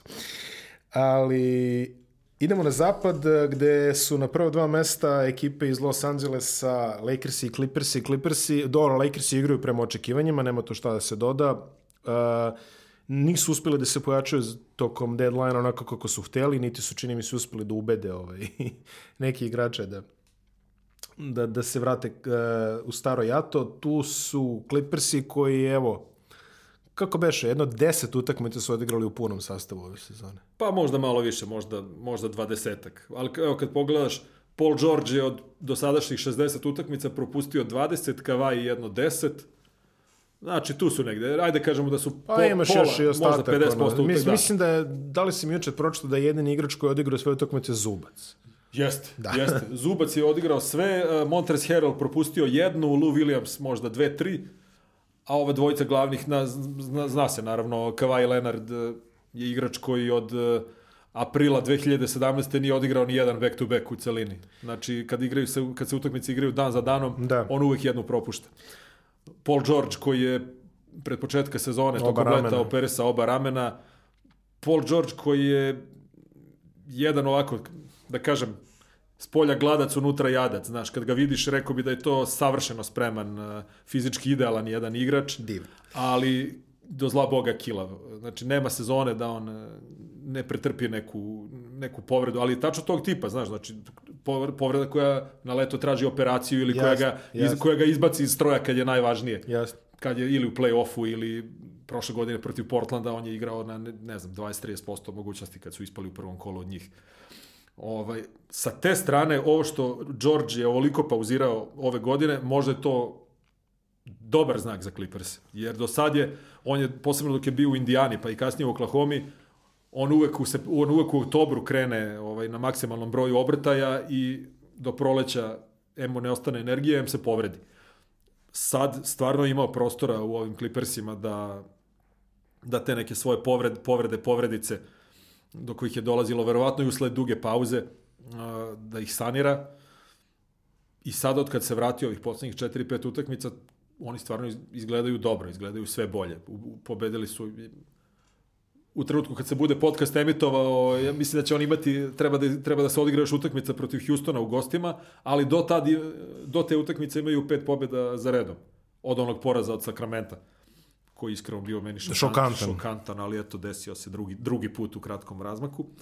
Tako da Clippersi, uh, s obzirom na to koga imaju u ekipi, kakve igrače, s kojim problemima, prolazno vreme im je po meni odlično. Idu, idu ka tome da u play-offu budu ono, utegnuti maksimalno. I na tome mogu da zahvale što su uz sve ove pauze iz ove izostanke, ovaj, što su drugi tu na tabeli, što se sa Denverom stalno rotiraju drugo, treće mesto, stvarno mogu da zahvale pre svega Lou Williamsu, Montrezu Herelu, Pa i Zubcu. pa i Zubcu. Pa i Zubcu. O, jer, uh, inače, to je recimo interesantan podatak koji nismo pomenuli u priči o Milvokiju. Postoji statistika uh, koji, kao koji igrači najbolje brane šuteve uh -huh. oko, sa, oko samog obruča. Od, od najbolje četvorice uh, trojica su iz Milvokija. To su braća Lopez i Adeto Kumbo, a četvrti je Ivica Zubac. I takođe Clippersi su dobili pojačanje u vidu Reggie Jacksona, a što se Lakersa tiče, tamo je ista meta, isto odstojanje, oni guraju po svome. Vidjet ćemo kako će sve to izgledati u play-offu za sada, ajde da kucnemo drvo što bi se reklo, sa zdravljem nemaju pretiranih problema, da. LeBron gazi svoje, uh, Davis gazi svoje, imaju relativno umjerenu podršku ostatka ekipe, pričamo najviše mislim na Kuzmu, i ove, imaju tajnog, tajno oružje u vidu Karuza, Dobro, Caruso, Dwight Howard. Dwight uh, Howard, uh, Javal McGee, ajde sve, sve to ove, relativno Danny Green ne igra po meni još na, na nivou koji je, koji je potreban. Danny Green je potreban na nivou na kojem je bio u ekipi Toronta. šuškaju se, šuškaju se Dion Waiters i J.R. Smith, J.R. Smith koji je više puta u javnosti rekao kako on smatra da je on dalje ne na nivou NBA, nego na nivou najboljih igrača NBA. Nećemo komentarisati te navode J.R. Smitha iz iz čiste neke pristojnosti. Pa Lakersi, Lakersi nisu, nisu rešili ključni problem, a to je uh, problem nekog sekundarnog organizatora igre pored Lebrona. O, da, Ok, Collisona oni imaju ronda, uspeli oni imaju nominalno ronda, Ma. ali Rondo je, po- Rondo je od početka sezone odigrao jednu dobru utakmicu i to je bila pobjeda u Oklahoma gde su Lakersi bez Lebrona i bez Davisa mm. pregazili Oklahoma, potpuno iznenadili u tom trenutku koliko su dobro odigrali, ali Rondo realno nije rešenje, nije rešenje za playoff. Rondo prvo već godinama nije igrao ozbiljnu neku playoff utakmicu, drugo pregazilo ga je vreme, druga se košarka igra danas je, u odnosu na ono kada je Boston bio šampion. To je igrač sa loptom u rukama i, koji je liability na penalu, mislim, to je nešto što ja ne mogu da prihvatim za beka, ali ajde, okej. Okay. Ma liability je i u šutu. I, u svemu je liability. I, i, ok, znaš, šta je, dođe playoff, idu ti ispod bloka i to je to, ne, nema tu mnogo filozofije. Ovaj, znači, znači, Lakersi koji su pokušavali Derena Collisona da izvuku iz eh, penzije, nisu uspeli, na tom buyout tržištu ništa. Ništa specijalno doveli su Markifa Morisa kao neku backup četvorku. Dobro, do, doveo ga je Markus kad je došao u Los Angeles, budimo Sad pregovaraju sa Waitersom i Smithom koji su dvojke, ajde Waiters nešto malo ima kreacije sa loptom u rukama. Ne, Smith nema ništa, Smith je Smith spot je, up. Smith je spot up, je tako? Znači, to je sad sve generalno dodavanje nečega što već imaju. I sa te strane, očigledno je da će kralj morati da, da, zapne. da zaore kao u najboljim danima. Ovo, ovo jeste, ja mislim da Lebron igra najbolju sezonu u oba kako pravca. Ne, kako ne. Još od Majamija. Sigurno. On, on, su, on se u Clevelandu šlepovo u odbrani najstrašnije, posebno tokom regularnog dela sezone ali ovaj mislim posebno. Da. U plej-ofu je igrao odbranu naravno, naravno, ali, naravno. ali u plej-ofu, ali u regularnom delu je u pojedinim utakmicama koje sam gledao baš je tu je bilo i bruka koliko nije igrao odbranu, znaš. Sad, sad, sad stvarno, uh, valjda mu je pomoglo to što prošle godine je imao i tu prvu neku malo i ole ozbiljniju povredu u karijeri, što je propustio play-off, da se ovaj, regenerisao i fizički i motivaciono i ova Lebronova sezona je stvarno fenomenalna. Inače, on je, on je prvi igrač još od Johna Stocktona koji je u ovoj fazi karijere imao prosek preko 10 asistencija po utakmici, što, što je za igrača koji je de facto small forward, koji power, je power small forward. forward koji ore, pritom čovjek ide, završava na obruču dosta. Znači, baš se troši. O, mislim, Lebron je, fa, fascinantno je koliko je on... Ba ja njega gledam kao Cristiano bio... Ronaldo, on je meni... Tako je, znaš, tako to, je, to je, je da, jedan, jedan ono fizički, ono fizičko čudo da. koje je vremenom navežbalo neke stvari, ali ti kad pogledaš ovaj, koliko je on tu svoju viziju, mm. koliko je nadogradio dodir, ono, jednostavno ti vidiš koliko, koliko on ima u tim rukama. Znaš, nije Jokić, ali Ne, ali ne, mnogo ne, toga, ne, ali, ali, ali, ali fenomenalne toga, stvari. Ali mnogo toga može. Može da uradi. Lepo si ovaj Kronos i Jokić ima naredne dve ekipe, na tabeli su Denver i Houston. Uh, juče sam pročitao nešto baš interesantno kod kolega sa Atletika koji kažu mi tretiramo Denver kao ono dete koje ovaj, je jako dobro ima ocene i sve to, ali ga lupimo po ramenu i kažem imaš ti još mnogo da naučiš. Ovaj, da li će se to zaista tako videti u ovom sezonskom play-offu, vidjet ćemo, prošle su stvarno mogli da doteraju do onog finala, izgubili su po meni ovaj, neočekivano od Portlanda. Da, da, da, to je veliki, veliki, veliki velika kiks, šansa propuštena. Velika šansa propuštena, propuštena da. ove sezone konkurencija je mnogo tvrđa. Mnogo, mnogo, mnogo, mnogo. I s druge strane, osim Denvera, imamo Houston koji se transformisao u ono što danas izgleda neverovatno ekipa bez petice, ali opet, evo, podsjetit ćemo na nešto od pre 24 godine kada je Phoenix počeo sezonu katastrofalno, pa je onda promenio, valjda se počeo 0-12, čini mi se da im je bio skoro na početku sezone. I onda su nekako ono stigli do, do play-offa, ušli kao da li osmi ili sedmi seed i oni su tada igrali sledeću petorku. Kevin Johnson, Jason Kidd, Rex Chapman, Wesley Person i Danny Manning kao centar. Znači, to je nešto, Danny Manning koji igrao nisku krilo. Da, on je neko, da, da, da, da, da, da. A, znači, to je nešto najbliže što podsjeća na ovo što ovaj, uh, Houston sada igra. Čisto da ispratim ovu priču, Phoenix je izgubio tesno od Seattle u prvom krugu. Tad je prvi krug bio na tri pobede, bila na fantastična utakmica kada je Rex Chapman pogodio kod Đorđevića. Ono, dobio loptu iz iz auta sa kontra strane, istrčao dijagonalu i pogodio u padu, nađite na YouTube-u Rex Chapman protiv Seattle, ako ne znate o čemu pričam, ali meni se čini da je Houston odigrao pametno jer su uh, konačno odigrali su dobro sa kartama koje su im u špilu. Znači, ako imaš Russella Westbrooka, koji je stvarno fizički fenomen, što ti kažeš, mm -hmm. daj mu da radi to što ume da radi. Ja mislim da su oni sada prilagodili igru ne toliko Hardenu, koliko Westbrooku, koliko da. Westbrooku. I mislim da. da se to isplaćuje se. Da, o, prosto otvorili su reket za Tako je, tako je. Otvorili su reket za ovaj za igru Westbrooka, pr, pre svega prodor igru. Tako je. gde je on ubedljivo najbolji ovaj, igrač lige, ubedljivo, prvo, prvo ima ubedljivo najviše prodora i realizacija mu je nešto ispod 70%, što je ono fascinantno. I on je u poslednjih mesec dana, recimo, od kad je ovaj, Kapela se povredio još pre trejda, on je, on je bolji strelac od Hardena. Znači, Harden je napravio zalihu jesenas, kad je imao gomil onih utakmica od 40-50 poena, Da. on, je, i dalje na nekih 34 poena, recimo, proseka, ali u poslednjih mesec dana Westbrook ima prosek od 33, recimo. I ovaj i sad šta, šta je tu dobro što ovaj što su oko njega to je slična priča kao Milwaukee, znači četiri, Tako je, šut, tako je. četiri šutera i jedan igrač Koji koji, se zaleće. koji se zaleće. da, da, da, da. I pri čemu, ta, ta- od- ako je jedan od te četvorice šutera još James Harden, koji često privlači ovaj, pažnju dvojice čuvara, To, to za je, Westbrooka je to onda... To je ono, e, Poezija, Eric Gordon i bukvalno. ekipa će ono imati sve šuteve sveta, otprilike. Ko je još Ben McLemore je tamo, čini mi Ben, se. Le, ben McLemore, Daniel House, uh, PJ Tucker, To su koji, sve igrači koji igra koji su u ono- odbrani, igra 4-5, Robert Covington doveden u trade iz Doveden u, Minnesota. tako je, da, da. da. koji me on je bio znači taj šraf koji je koji je falio da se viziji da halale centra i da ovaj, da prezupče krenu. potpuno, da, da, da, da, se odreknu centra, jer, jer Covington, Covington ima bezmalo tri blokade po utakmici od kada je došao u Houston, ne znam da znaš, znači Ne, to je, ne to je prosek na nivou Gobera iz najboljih dana. Otprilike, da. Tako da od, kad je, od, kad, od kada su obavili taj trade, pustili kapelu, doveli Covingtona, Houston ima, ajde, znaš, lupiću sada, ali recimo 10-11 pobjeda je tri poraza. Na primjer, što ti govori, pobedili Lakers u Los Angelesu, pobedili Boston u Bostonu. Denver i Houston, kakve šanse im vidiš? Uh, mislim, bit će teško do finala playoff, do finala zapada, izvinjam se. Mislim, tamo su već viđeni ovi Lakers i kalifornijski blizanci, ovaj, da im tako izrazimo.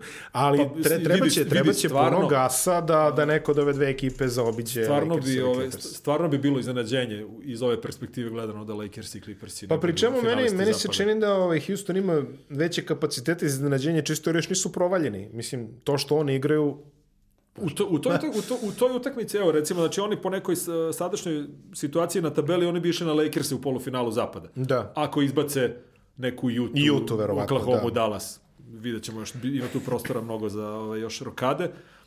Recimo tu utakmicu koju su dobili Lakerse u Staplesu, mene je jako neprijatno iznenadilo koliko Lakers, Lakersi nisu umeli da iskoriste Antonija Davisa, recimo. Mhm, mhm.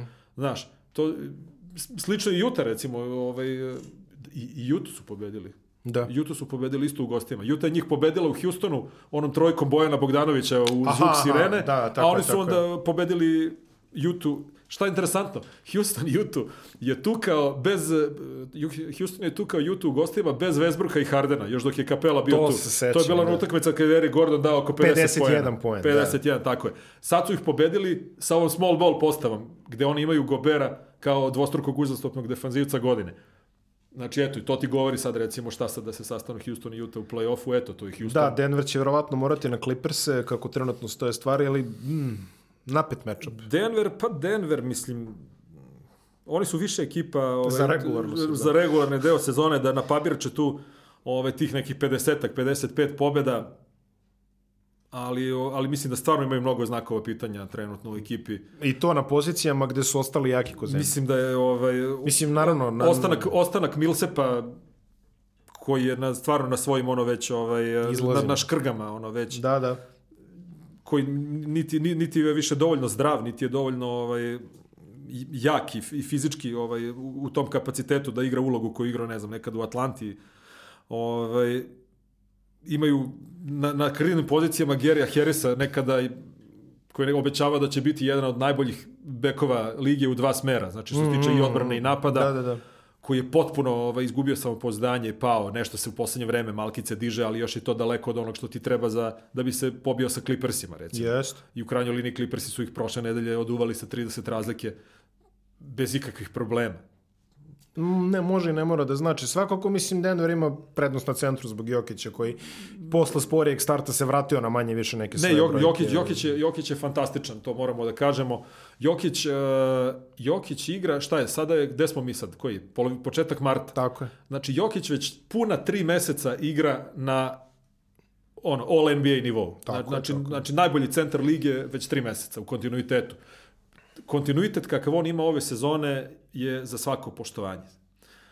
Znači, šta je tu bilo na početku sezone, da li, to, da li to bio neki eho svetskog prvenstva, Sigurno fizičke nespremnosti, malo možda i manjka motiva na, na početku, negde od početka decembra, to je bila tačno jedna turneja eh, Denvera eh, po istočnoj obali gde su imali vezane poraze Denver, Brooklyn i Filadelfija. Mm. Negde na toj turneji, na utakmici u Bostonu je Jokić Boston, Brooklyn, počeo, da, da. Boston, Brooklyn, Filadelfija, to su bili porazi. Da, da. Pre toga je on imao, ne, recimo, na 3-4 utakmice za redom ispod 10 postignutih poena, gde smo Sećam se.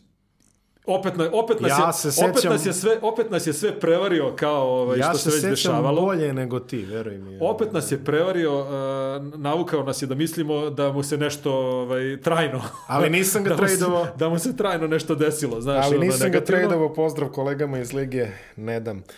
I od decembra je negde on krenuo da igra fantastično i on je šta, šta, je posebno interesantno? Jokić je igrač koji je sa te centarske pozicije poznat po asistenciji Jest, i po elitnom procentu šuta iz igre. jest.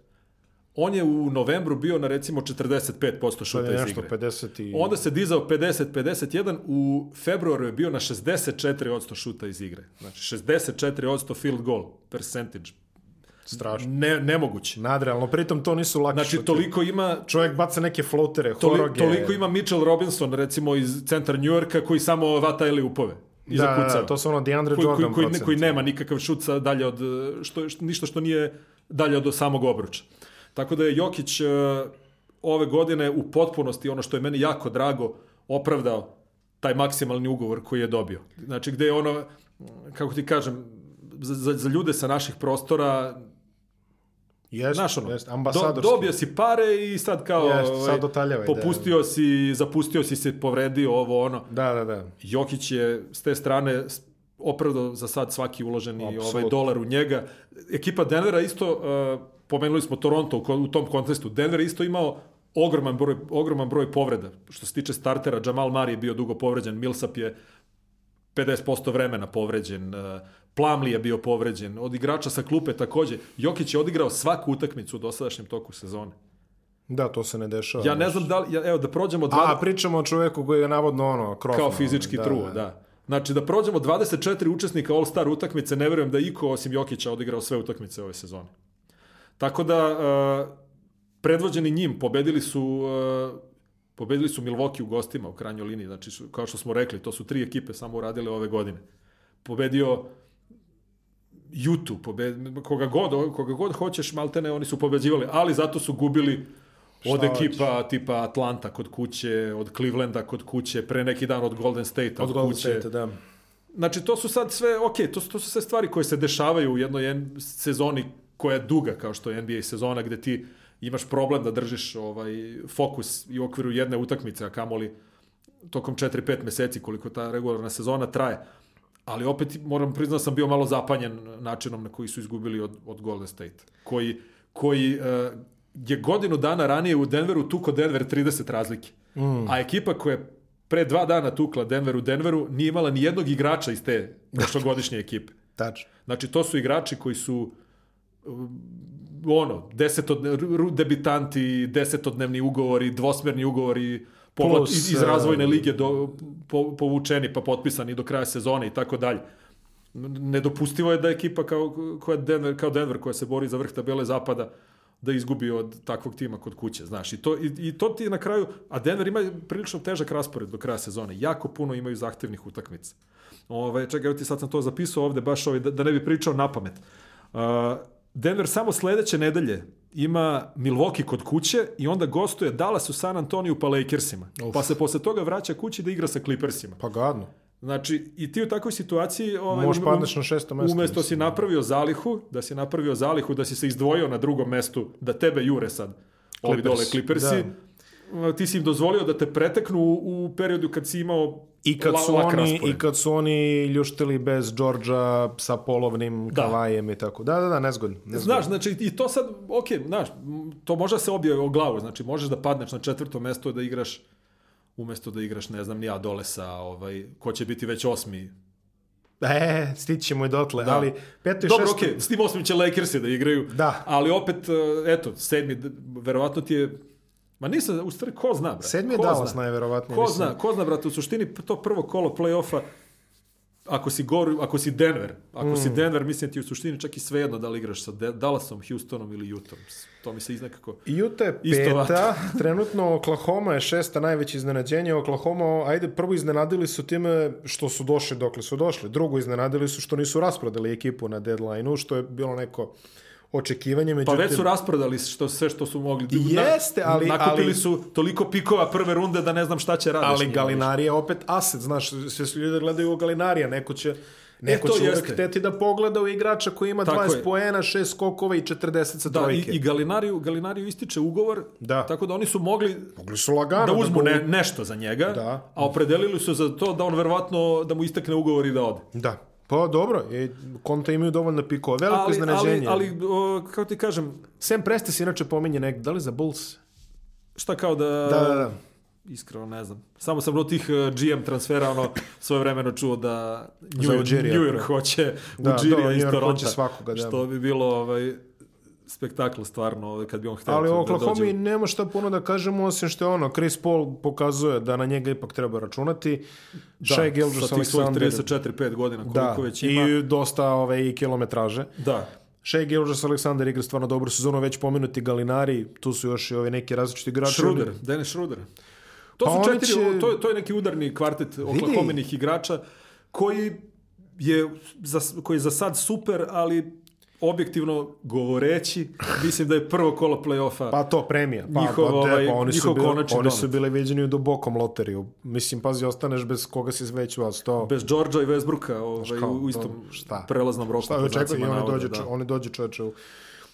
Uh, Utah s druge strane, ekipa koja je ono što bi reklo front loaded, znači imaju taj front court im je dobar, Babo Bogdanović stvarno igra dobru sezonu, uh, Rudy Gobert, uh, dobro, naravno to je Mitchell, međutim čini mi se da imaju problema na poziciji organizatora igre i tu je onaj uh, koncept uh, sa jednim ovaj, igračem, a ostali koji ga menjaju su neki ono... Ove, ja mislim da njima, Pucači. ja da sam, sad ja dajem sebi za pravo, ono, da, se, Daj ono, sebi znaš, za da, da se pravo. mangupiram. Ja dajem da, sebi ono, za znaš, pravo da vodim podcast, pa A. daj tebi ti ono... Ja da sam tamo neki GM u Juti ili neki trener, ja bi Donovana Mitchella stavio na poziciju playmakera To se i dešava. i rešio, pa dešava se kad, kad je Conley povređen. Conley kad povređen, je Conley da. povređen, onda se tu Mitchell i Joe Ingles ovaj, Pa dopunjavaju na poziciji Clark. playa. Joe Ingles je prvi asistent ekipe. I tad, je oni, I tad su oni najbolje igrali. Pa jest. Ovako sad, kad, kad Majka Conleya staviš na poziciju playa, gurneš Mitchella na dvojku, tu Inglesa na trojku ili Inglesa čak na klupu, kao što su ga sad. Da. Znači tu pre svega trpi odbrana. Juta, Jest. Juta je, ako je nešto Jutina bila ono karta prepoznatljivosti, to je odbrana. Juta ne liči ni na šta u fazi odbrane. Juta je negde od Božića, ovaj, oni su imali seriju od nekih recimo, ajde, otprilike 20 pobjeda iz 22 utakmice. Da, da, da. Dok je Conley bio povređen. Onda su napravili ovaj, tu neku prekompoziciju ekipe u hodu. U tom pozitivnom periodu bile su peta odbrana lige. Posle toga su 27. odbrana lige. Znači po onom broj primljenih pojena da, da, na, na, jasno, na, 100, jasno. na 100 poseda. Na 100 poseda, da. da. E, na, znači to, to je pad iz, od elitne odbrane na jednu od najgorih odbrana u ligi. A po meni to e, ima dobrim delom veze sa Mitchellom na poziciji 2, koji je jednostavno kratak i koji, koji nema kalibar, znači odbrana pucane njemu 90% vremena i ima, vre, ima veze sa tim da Rudy Gobert je nezadovoljan svojom ulogom u napadu. koji, koji čovjek pa tu, znaš, ok, on je kakav, kakav god daje, koliko god da je limitiran, znaš, znači on on može da pogodi nekih 10, 12, 14 Jasno. pojena na utakmici, ali u posljednje vreme toga nema. Znači, ta odbran, taj napad se odvija mimo njega potpuno i zbog toga trpi, Jest. trpi na drugoj strani i odbrana, a on im je u suštini tu taj korektor pozadi koji Korekt. ka, ka kome bi oni trebalo da usmeravaju sve te prodore. lepo- lepo rečeno, ali ovako, korekt. znaš, nje, njega napad odvuče na jednu stranu, otvori se rupa na drugoj i, i, i Juta se naprima lakih poena i Dallas kad nas, igra tako, nema ništa od nje. mislim. Dallas na sedmom mestu ima takođe problema sa Pa povredama. povrede Dončića, Dallas bi sigurno bio ovaj, e, Pa, bolj, to- bolje rangiran. Bolje od Oklahoma, verovatno. Bolje rangiran, sigurno, verovatno i od, i od Jute. Dallas bi bio negde 4-5 po meni, da je Luka Dončić bio Toliko je Luka sve vreme Dončić spreman. razliku. Da, i ok, povredio im se i Dwight Powell kao možda glavni looking partner u toj pick and roll igri u Jest. lob pasovima, kada oni igraju 2 na 2, ono licem obojica.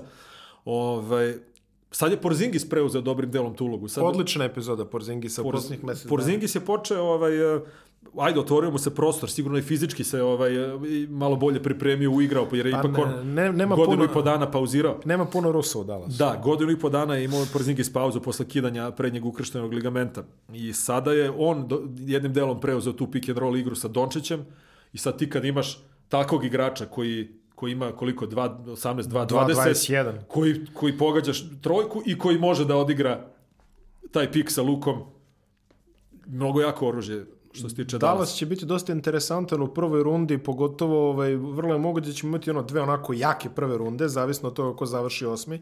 Trenutno je to Memphis, ja mislim da su u kancelarijama lige ovaj, trenutno ovaj, pale vudu lutke ovaj, eh, Ja Morenta i ovih Jacksona da, da, se, da Memphis nekako ispadne, da bi oni nekako nagurali New Orleans u, ovaj, u, u- mislim ne Normalno, oni, da, da, da, da, da bi gledali, da bi imali Lebrona i da bi Zajona imao u Lebron prvom i Zion u prvom kolu play-offa i onda kad se to desi Jer bi to bila, iz- to bi bila najgledanija serija u istoriji serije. do mislim, finala ono, Lakersa, Clippersa ili Obezbedio se znam, ratinge, ono, naplatili su svi, ono, razumeš, marketari Da. i posle možeš gledaš košarku. Da, ali, ali New Orleans je ovaj, malo se ovaj, preigrao u poslednje vreme, ovaj, koliko vidimo, mada i Lebron ih je u suštini ovaj, zavrnuo.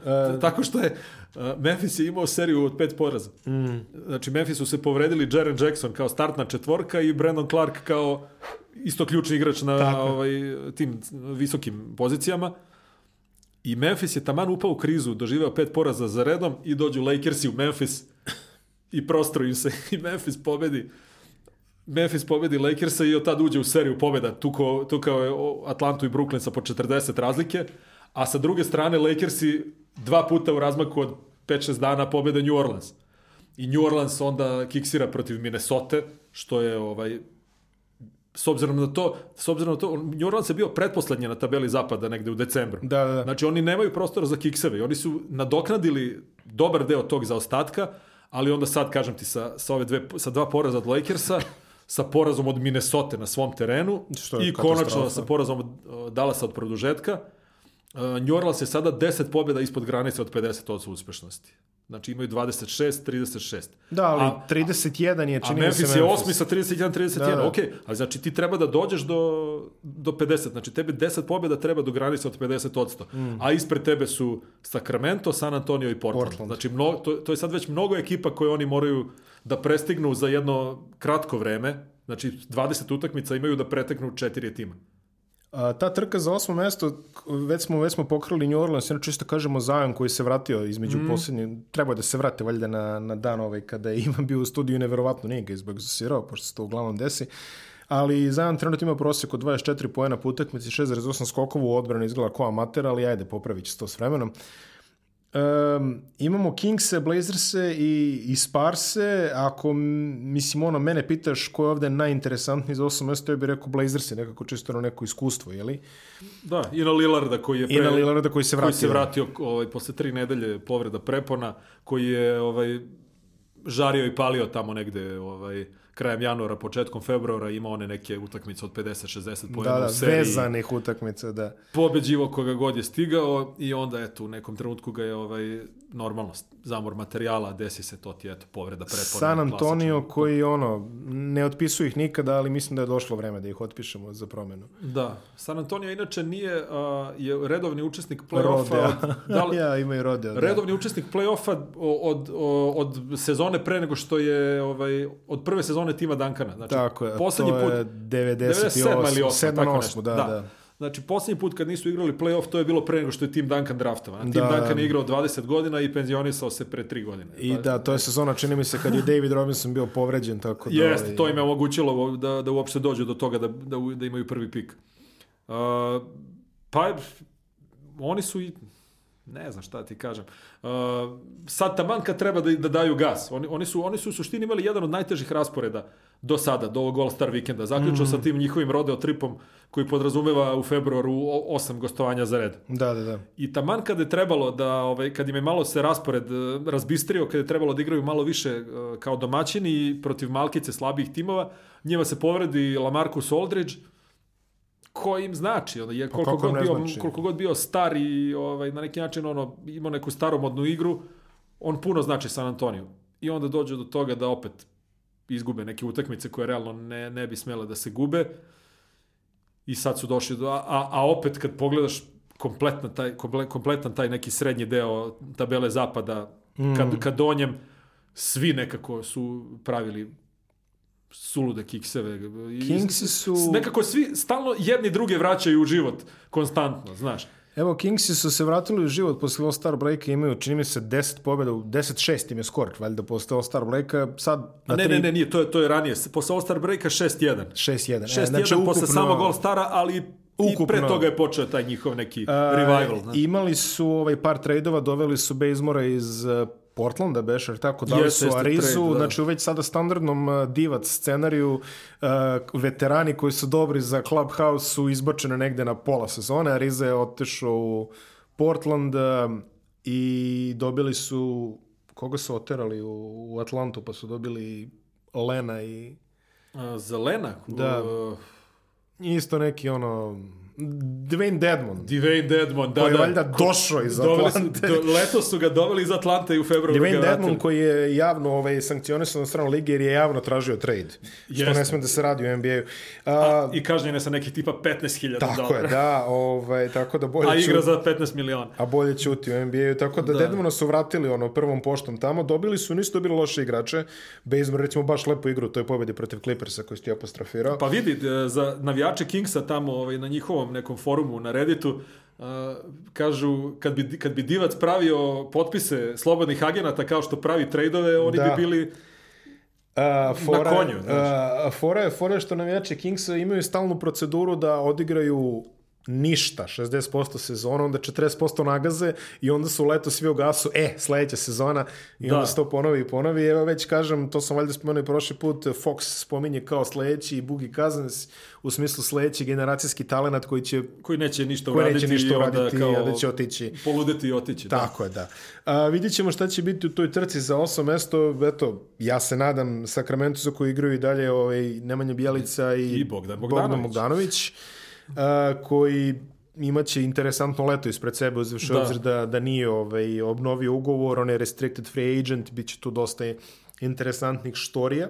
Da, Bo- Bogdan, e, to tržište slobodnih agenata ove godine neće biti toliko, Mm, neće, neće biti, biti ni neka blizu koliko je preterano jaka bilo- ponuda. Da. Tako da Bogdan će imati priliku da uzme prilično veliki novac. Pa ja mislim da on može gađa nekih 15, 15 na 18. Pa recimo, da. Da to O, mislim, bilo- od, odbio je 13. Odbio od, je letos, 13. Jesenas od Sakramenta, što znači da ide na više. 15 sad. na 18 range, pri čemu Sacramento ima pravo da ga zadrži, ovaj, znači imaju taj offer sheet popularni u slučaju da neko, da neko potpiše njega. Ali ako neko da ovaj, e, malo, Ako neko da malo može jače, se desi da neko da jače kaže ponudu koju ovi ne mogu da prate. Da. Sad postoji neka kompenzacija, čini mi se, ovaj, koja se dobije u slučaju potpisa offer sheeta, sad već ne znam na pamet šta se tu dešava, ali nema veze o tom potom, to su teme za leto i ostale su još samo ovaj, tri ekipe koje nisu u priči za... Izvini, možemo kažemo što se tiče Sakramenta, kada Da, da, da, pričamo o šansama za play-off.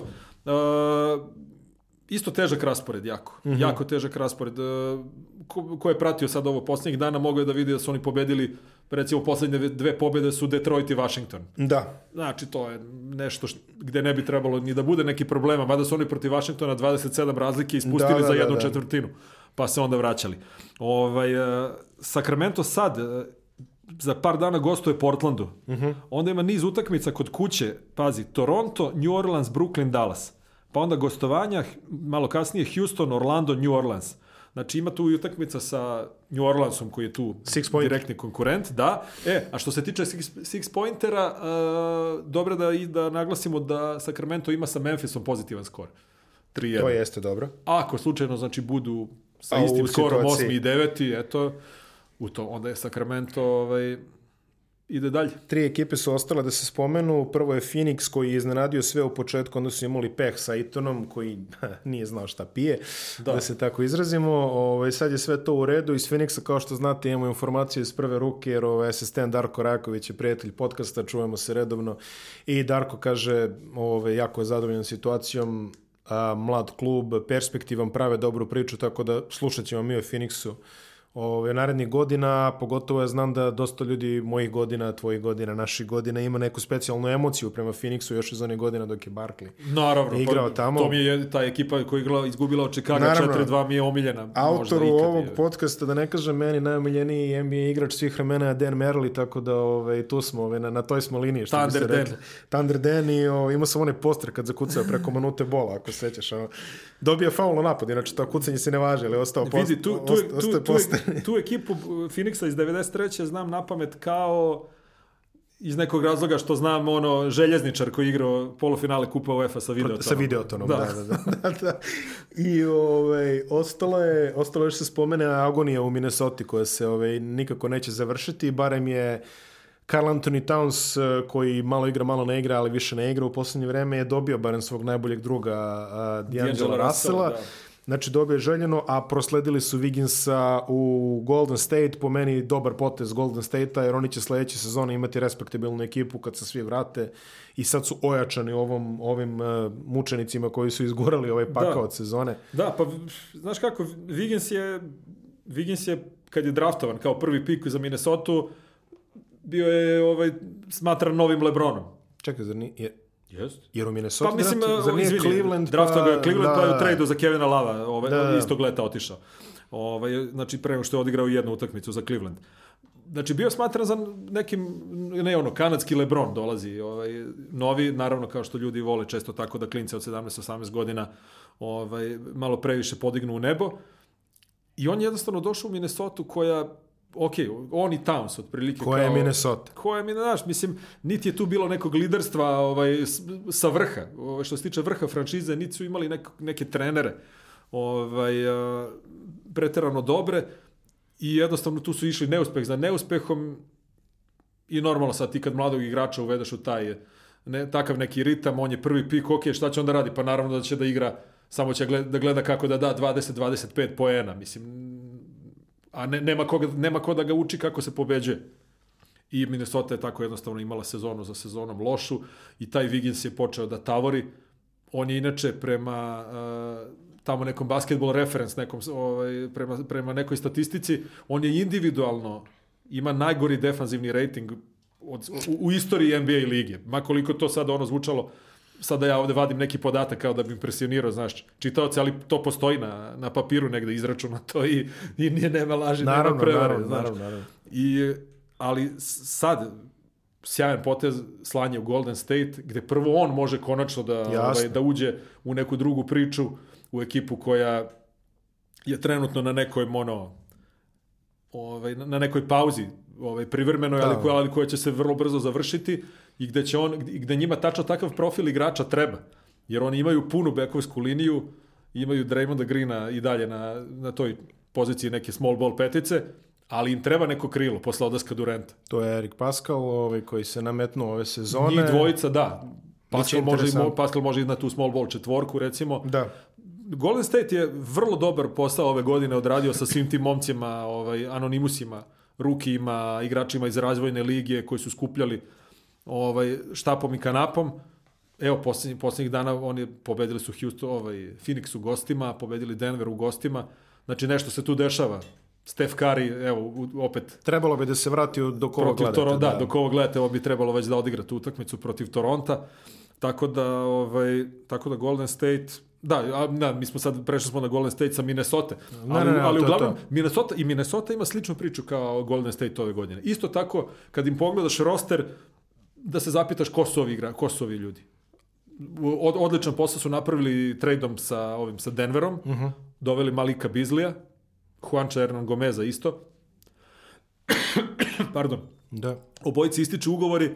Za Juanča nisam siguran, ali Bizlija mislim da je zicer da će zadržati. S njim imaju vrlo dobru mladu dvojku. Na kecu D'Angelo, na petici kad se oporavi Towns. Prema tome i ta Minnesota je nešto izvukla iz ove sezone, neki ovaj, po meni ovaj, razlog za, za optimizam. E sad, Jak normalno, zapad. zapad je takav kakav je jak, zašto će to biti dovoljno, nismo, nismo sigurni, ali, ovaj, ali da kažeš, na, znaš šta je to? Je, to je, to je ovaj, kad imaš tako kad padnu sve ambicije, kad, e, kad je rasterećenje, onda dođu tako neki no-name igrači I ti kažeš, je, pa vidiš šta je super. Šta misli sledeće godine kada ovaj, se malo još doteraju kad im se oporavi neki povređeni igrač ovo ono i onda dođe sledeća sezona i, i neka stara priča nastupi. Tako da sve je to varljivo ovo što se dešava. To sad što neko u martu, aprilu ovaj, zabeleži neku kvalitetnu pobedu, iznenadi nekoga, u suštini, to ništa, u suštini to ništa ne mora da znači. Ni Velisa će se dogoditi. Ali evo, neki tamo trener i GM imaju tamo da pokažu ovaj, vlasniku i predsedniku. Evo, I zadrže vidiš, posao još godinu dana. Od prilike, kao vidiš, nešto se dešava, nešto pravimo. Pa kao, eto. Prošli smo opet kroz celu ligu. Ovaj, ja podsjećam gledalci i slušalci još jednom da se prijeve na nedeljni Mondo sportski newsletter klikom na link koji sada vide na ekranu ili u opisu epizode. Bogu ne hvala ti što si gostao, malo je napornije nego one tvoje redovne emisije, ali dobro, ono, barem stignemo sve da ispričamo, ne boj sad si miran dobro. neko vreme, sad si miran neko vreme. A, sledeći NBA update stiže neposredno pred a, play-off, a ono što mogu da najavim takođe da će kolega Ognjanović ovaj, koji ima zakupljenu ovu stolicu u kojoj sediš, ovaj, šalimo se malo, a, doći da vas obraduje, pričamo o NCAA-u pred Final Four, koji će se desiti, čini mi se, početkom, početkom aprila, aprila da. tako da bit će to malo priči o draft pikovima koji slede NCAA i košarci, a između još interesantnih sadržaja, Bogu ne hvala što si došao. Hvala na pozivu. Do sledećeg puta. Pozdrav gledalcima i slušalcima. Ćao. Ćao.